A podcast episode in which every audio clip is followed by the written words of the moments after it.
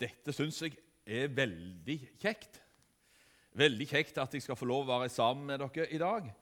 Og veldig kjekt at uh, jeg skal få lov å tale til folk igjen, holdt jeg på å si. Uh, som jeg ser.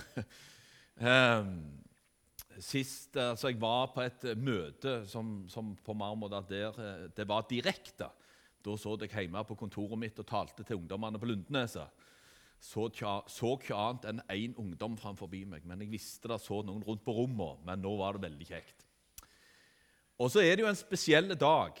Eh, spesielt for dere, men det er det for oss alle som hører til eh, i misjonen. Når eh, noen tar noen skritt og går noe lenger, så er det på mange måter en eh, ja, det, det, sier noe om at det vi holder på med, det, det er vi ikke ferdige med. Eh, hadde vi vært ferdige, så hadde dere tenkt ok, da gidder vi ikke å legge på mange måter ned all den engasjementet og, og innsatsen for å få et nytt bygg. Um, men, men, vi er ikke ferdige. Oppdraget er ikke fullført. Um, så er det litt spesielt, altså Jeg har lurt på hva det er med dere som alltid flytter inn i sånne maskuline bygg. Uh, dette har jo vært et bilverksted, og nå er det liksom en brannstasjon. Nå, nå, skal jeg være forsiktig med å bruke sånne Eh, begreper om maskulint og feminint her, da. Men, eh, men, dere forstår hvor jeg eh, vil hen. og Jeg legger ikke noe vondt i det. Jeg er glad for dere kvinnelige bilmekanikere og brannmenn. Men, men, det handler om Det handler liksom på mange måter ikke om bygget, men om innholdet. Om hva vi samles om.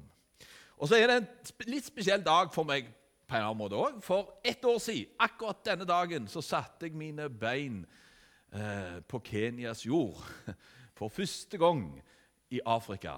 Og fikk være med på en 14 dagers tur, så vi kom hjem da midt i koronaen. som dere da skjønner. Eh, og fikk være med og se arbeidet vårt i Kenya. Fikk være i Bangali sammen med Marte Leif. Og fikk oppleve eh, Kenya og kunne snakket sikkert hele dagen om det men det skal jeg ikke gjøre i dag. Jeg kommer nok litt inn på det, kanskje. Um, jeg har egentlig tenkt Jeg skal lese søndagens tekst og komme litt inn på den. Det blir ikke en utleggelse av teksten, uh, men jeg skal lese teksten, for jeg syns den passer veldig godt. Og det er en viktig tekst å, for oss å lytte til. Uh, og så har jeg egentlig sagt noe om, at, uh, om epoker eh, hvordan livet består egentlig av epoker, eh, og vi, hvordan det forandrer og hva det gjør med oss. Det skal vi prøve å si litt om. Men vi fortsetter å be litt i sammen. Kjære Herre Jesus, vi ber om De hellige ånds nærvær nå, fortsatt over dette møtet, og ber om at du må tale i ditt navn. Amen. Vi leser fra Lukas 7 eh, og vers 36 til og med vers 50. Jesus han eh, reiser nå inn og besøker Simon, fariseeren, i sitt hus. Eh, og får egentlig også et møte med ei annen i det huset. Det er jo den syndere, synderkvinnen, holdt jeg på å si, som det står om. Vi leser der fra vers 36. En av fariseerne innbød ham da til å spise hos seg. Jesus kom til fariseernes hus og tok plass ved bordet. Se, nå var det en kvinne der i byen som var en synderinne. Da hun fikk vite at Jesus satt til bords i fariseernes hus, kom hun dit med en alabastkrykke med salve. Hun stilte seg bak Jesus ved hans føtter og gråt. Hun begynte å hvete føttene hans med tårer og tørket dem med sitt hår og hun kysset hans føtter og salvet dem med salven. Men da fariseeren som hadde innbudt ham, så dette, sa han ved seg selv.: Var denne mannen en profet? Da visste han hvem og hva slags kvinne det er som rører ved ham, at hun er en syndig kvinne. Da svarte Jesus og sa til ham, Simon, jeg har noe å si deg. Og han sa, Mester, si det. En pengeutlåner hadde to skyldnere. Den ene skyldte han 500 denarer, og den andre 50. Men da de ikke hadde noe å betale med, ettergav han dem begge gjelden. Hvem av dem vil elske ham mest? Simon svarte og sa, Jeg antar den som han ettergav mest. Han sa til ham, Du dømte rett. Så vendte han seg mot kvinnen og sa til Simon, Ser du denne kvinne? Jeg kom inn i ditt hus, og du gav meg ikke vann til føttene, men hun vette mine føtter med tårer og tørket dem med sitt hår. Du gav meg ikke noe kyss, men hun har ikke holdt opp med å kysse mine føtter fra den stund jeg kom inn. Du salvet ikke mitt hode med olje, men hun, har ikke, men hun eh, salvet mine føtter med salve. Derfor sier jeg deg, hennes mange synder er henne forlatt. Derfor elsker hun meget. Men den som lite er tilgitt, elsker lite. Og han sa til henne, Dine synder er deg forlatt. Da begynte de som satt til bords med ham, å si, seg, si ved seg selv, Hvem er denne som endog tilgir synder? Men han sa til kvinnen, Din tro har frelst deg. Gå bort i fred.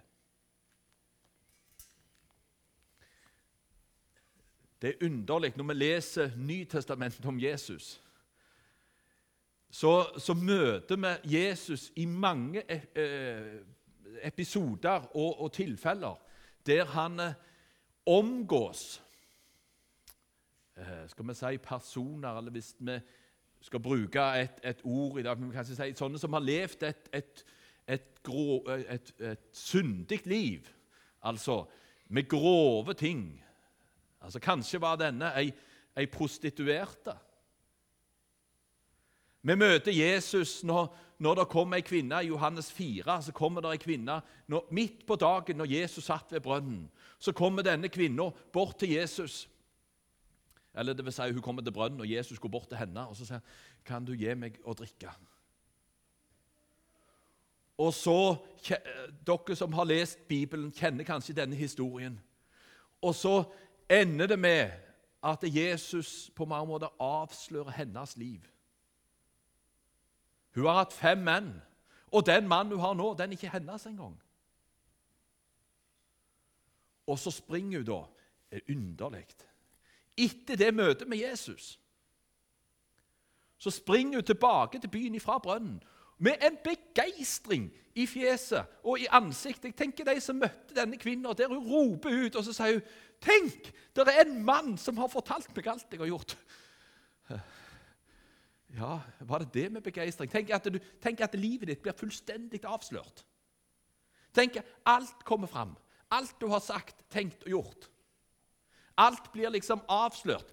Og, og så springer du da til, til Aftenblad eller til VG, og så spør du om de kan slå det opp på første sida. Alt du har gjort. Vi er ikke der. Vi syns det er drittflaut å bli avslørt. Hvordan er det med dere når dere har gjort et eller annet, og dere prøver å komme ifra med det vi har gjort? Hæ? Det er en skal ikke jeg, noen av de som bor i huset mitt hjemme som, som hadde gjort noe.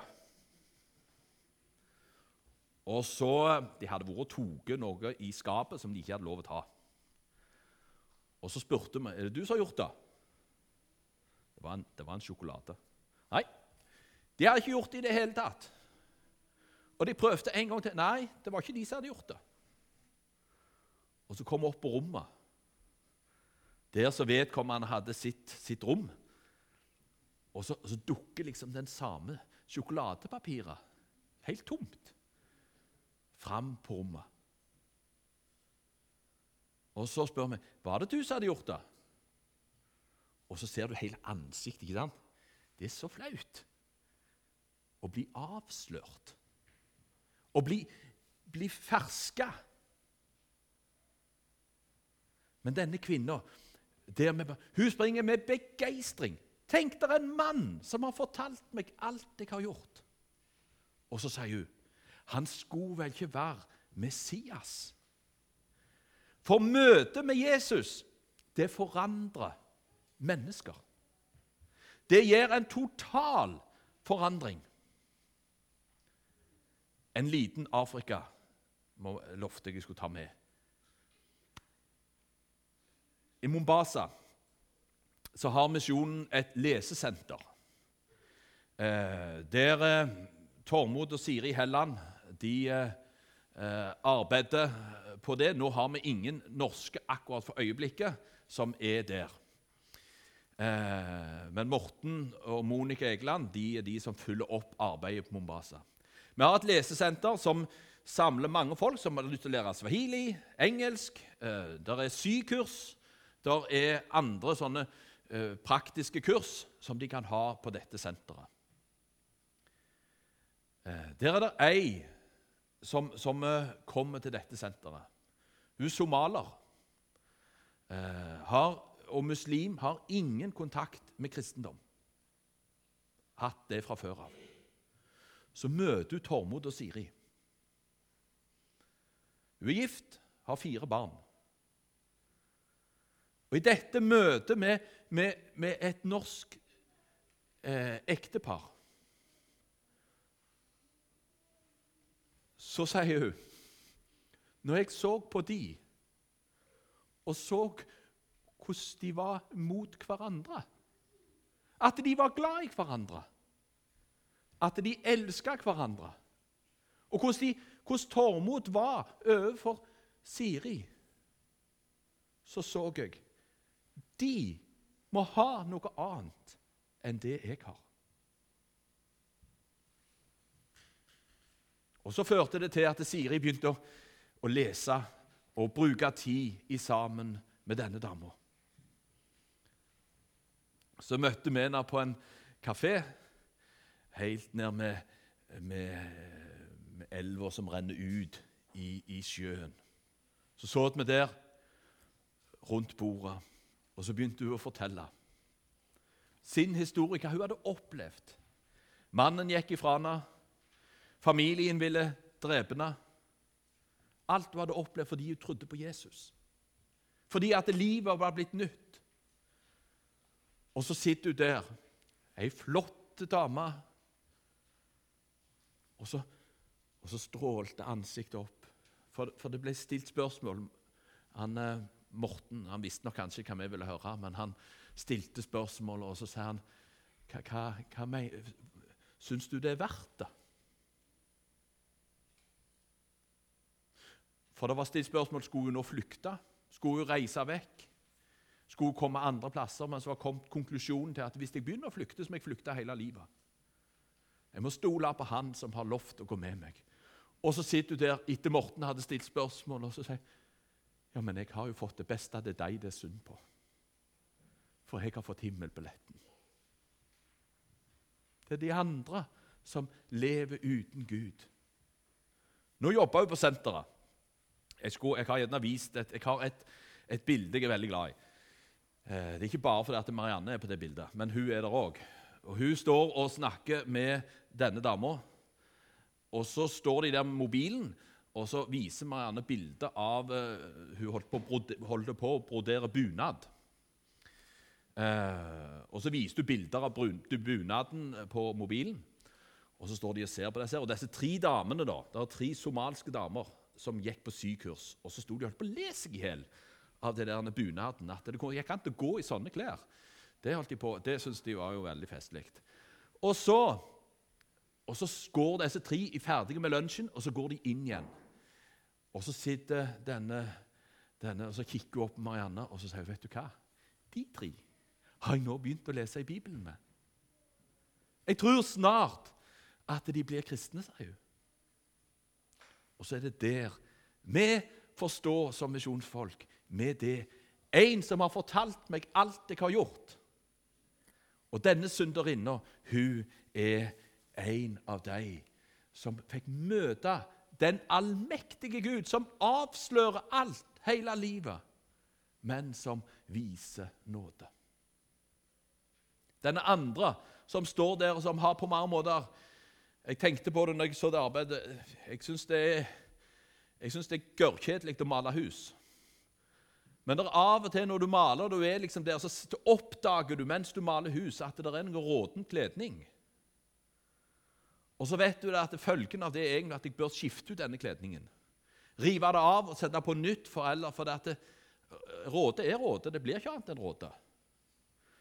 Og så er fristelsen når du der og maler Hvis jeg nå skal begynne å skifte kledning, så må jeg ned med stien og så må jeg opp med det, så må jeg begynne å male en gang seinere igjen osv. Så, videre. så tar du bare fordi at det er snart konfirmasjon eller snart eh, en eller annen dag, så bare maler du over hele greia, og så ser det veldig flott ut. Men det hjelper ikke. For, for det råder inni. Og der er vi som mennesker. Det var ei dame som, som, gikk til en, en, sånn en um, høyesterettsdommer mener jeg det var, i USA og ba om nåde for sin dødsdømte sønn. Han skulle henrettes. Og Så kom hun og ber om nåde for sin sønn. Så sier dommeren, 'Hva har han gjort som fortjener nåde?' Så sier mora, 'Jeg har ikke gjort noen ting.' Ingenting har han gjort som fortjener. Men da hadde heller ikke nåde vært nåde, sa hun. Dette om hva Jesus er og har gjort for oss. Av disse to, fariseeren og tolleren, nei, fariseeren og denne synderinnen, så de, var de i utgangspunktet like langt ifra himmelen, begge to. Men den ene får motta nåde. Og på mange måter ser jeg er fortapt, og jeg trenger Jesus.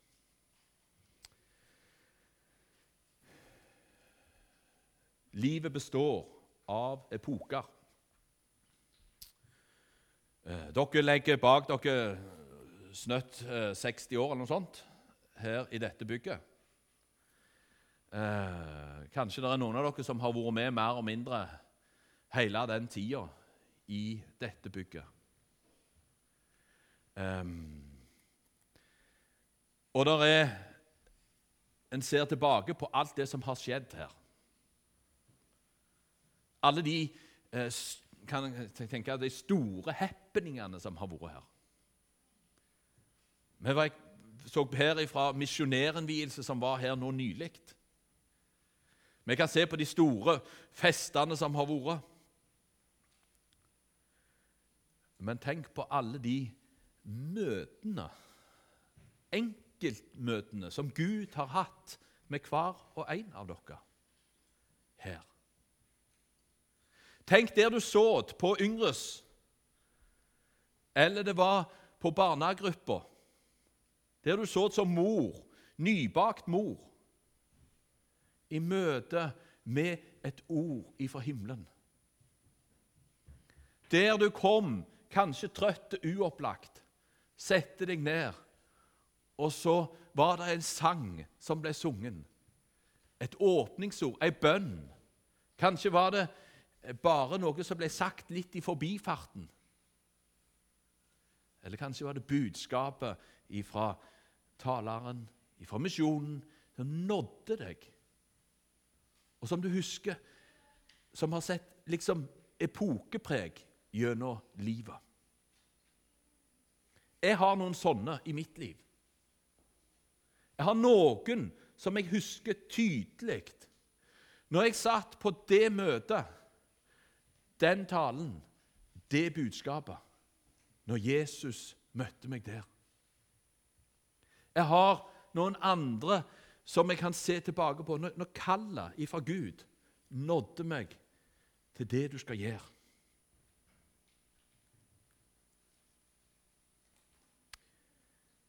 Kanskje sitter du tilbake og tenker på dette. Det var her jeg møtte ektefellen min. Det var her jeg så ansiktet først. Der øynene våre møttes. Det har vært med å prege livet. Og jeg har lyst til å rette en stor takk til hver og en av dere som utgjør misjonssalen. Eh, for dere gjør jobben her på så mange måter. Noen er det som, som sørger for at, at, det tekniske er i orden. At det er vedlikeholdt. Noen er det som ser den enkelte på en spesiell måte. Noen har ansvar for barn og ungdom, og som møter trufast opp uke etter uke, og som er til å stole på, for dere har fått et kall og et ansvar i oppgaven. Takk for det som dere legger ned. Så er det sånn med disse epokene eh, Etter én epoke så kommer det en annen. Jeg husker det at jeg så fram til, til vi skulle være ferdige med, med bleier. Jeg har liksom, har, vi har seks barn, så vi har liksom droget den der epoken nokså langt ut. da. Liksom Idet vi ante at det nå var slutten, så begynte det jo på igjen. Eh, det er jo vår skyld, det, da. Men, men, men det er noen sånne epoker som du ser nå er, det, nå, nå er den epoken. Og Så kommer det en ny epoke som begynner på etterpå. Det er andre ting som nå vi tenker på, og når bare det er over, så skal det bli bedre.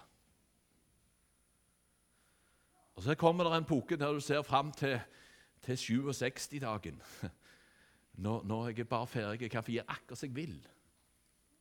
Så hører jeg mange av disse pensjonistene si at de har det så travelt at de skulle hatt folk i arbeid eh, etter den tid. Så, så epoker gjennom livet. Men så er det noe som, som, består, og jeg har lyst til å si litt om det. For når dere nå avslutter arbeidet her i dette huset i dag Det skal ryddes ut, dere skal ta med dere Så eh, er mennesket det samme.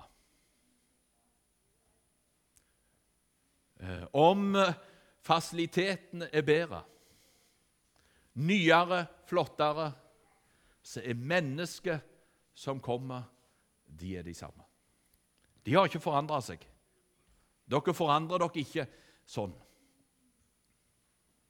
Det som bor i oss, det er og blir det samme. Bibelen sier at vi er av naturen vredens barn, vi liksom de andre. Vår natur, den er og blir sånn som vi har den til den dagen vi er innenfor i det nye riket. Når alt det gamle er forbi, og alt er blitt nytt. Mennesket er like egoistisk og sjølsentrert. Vi tenker og handler egentlig stort sett rundt oss sjøl. Derfor er det å ha med seg i tanken når vi går inn i en ny epoke, er at vi er av de samme. Så sier Hebreerbrevet 13,8.: Jesus Kristus er i går og i dag den samme, ja, til evig tid. Det budskapet som vi formidler, det er det samme inn i et nytt bygg. Vi formidler et budskap om en nådig Herre, en som har fullbrakt alt, og som har gjort alt ferdig. Som vi minte om tidligere alt det er det samme. Og vi skal holde fram en, en eh, Jesus som vårt eneste håp og mål for livet. Og Mange ganger så kan vi stille oss noen spørsmål om dette, og det, det rokkes ved det. Nylig nå leste jeg om, om at det, kan det nå være så, så firkanta at det er bare Jesus som er redning? Kan det være sånn Det har vært en debatt som har gått lenge. Dette med at det, de som ikke har hørt Når evangeliet ikke får nå til de, er det ikke sånn at de, de får noen sjanser allikevel? Er det ikke noen andre veier for de? Paulus er veldig tydelig på dette. Han sier om, om å forkynne Jesus. Det ligger meg på til de som ikke har hørt. Fordi Jesus er veien til himmelen. I en ny epoke så er oppdraget akkurat det samme. Oppdraget som Gud har gitt oss, det er akkurat det samme. Gå ut i all verden og forkynn evangeliet for alle folkeslag. Bring budskapet til nabolaget ifra Samaria og like eller ifra Jerusalem og like til jordens ende. Altså ifra her, ifra Sandnes, ifra nabolaget og helt til Bangale og til de som ikke har hørt budskapet om Jesus.